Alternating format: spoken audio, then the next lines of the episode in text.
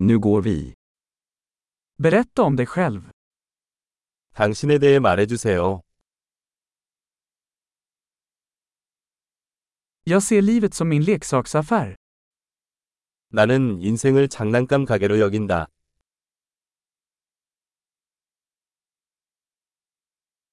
Bättre att be om lov än om förlåtelse.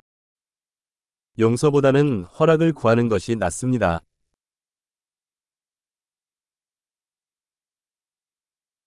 Bara av misstag lär vi oss.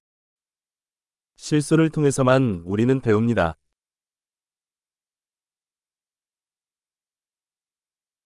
Och genom observation. Fel och observation. Observera mer.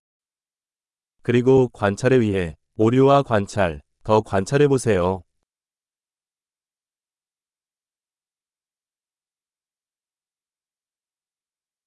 Nu kan jag bara be om förlåtelse. 이제 용서를 구할 수밖에 없습니다.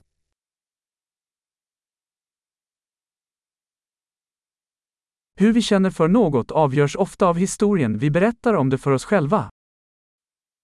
우리가 어떤 것에 대해 어떻게 느끼는지는 종종 우리가 그것에 대해 스스로에게 말하는 이야기에 의해 결정됩니다.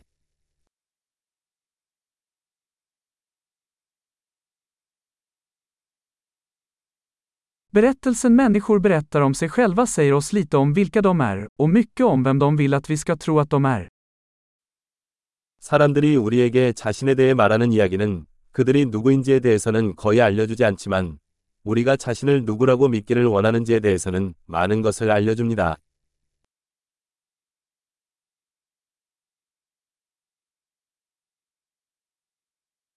Förmågan att fördröja tillfredsställelse är en prediktor för framgång i livet. 만족을 지연시키는 능력은 인생의 성공을 예측하는 지표입니다.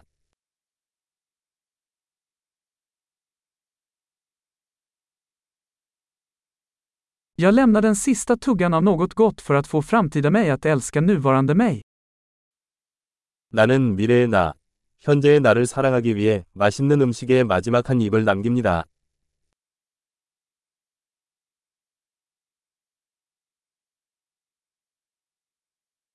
Försenad tillfredsställelse i det yttersta är ingen tillfredsställelse. 극도로 지연된 만족은 만족이 아닙니다.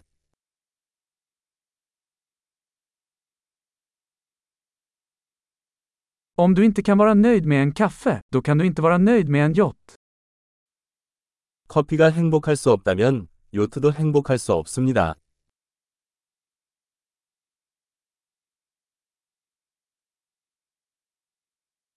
Den första regeln för att vinna spelet är att sluta flytta målstolparna.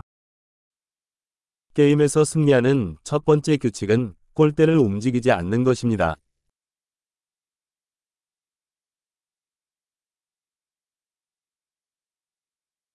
Allt ska göras så enkelt som möjligt, men inte enklare. 모든 것은 가능한 한 단순해야 하지만 단순해서는 안 됩니다.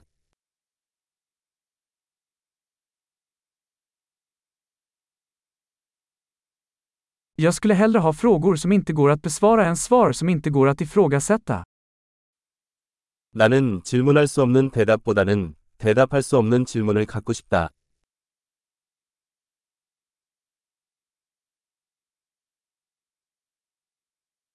Mitt sinne består av en elefant och en ryttare. 내 마음은 코끼리와 기수로 이루어져 있습니다.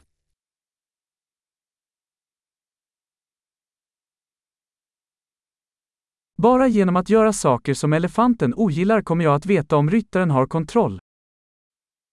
코끼리가 싫어하는 일을 해야만 기수가 통제할 수 있는지 알 수 있습니다.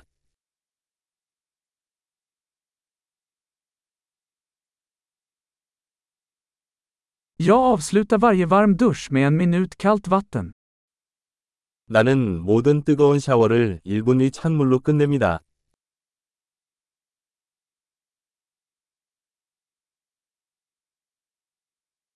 Elefanten vill aldrig göra det, ryttaren gör det alltid.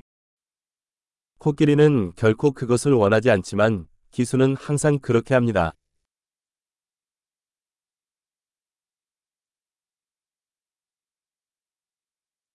Disciplin är handlingen att bevisa för dig själv att du kan lita på dig själv. 징계는 자신을 신뢰할 수 있다는 것을 스스로에게 증명하는 행위입니다.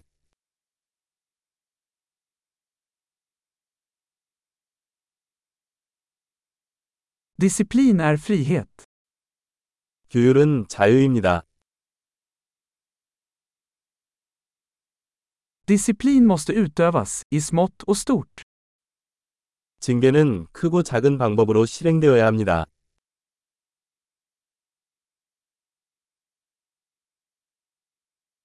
Självkänsla är ett berg gjord av lager av färg. 자존감은 여러 겹의 물감으로 이루어진 산이다.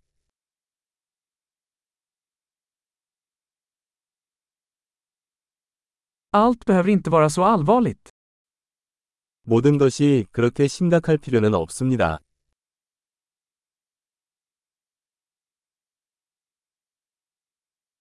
När du tar med dig det roliga, uppskattar världen det. 당신이 재미를 가져오면 세상은 그것을 높이 평가합니다.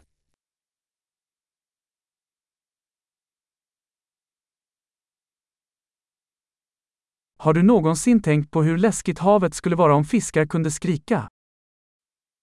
물고기가 비명을 지를 수 있다면 바다가 얼마나 무서운지 생각해 본 적이 있나요?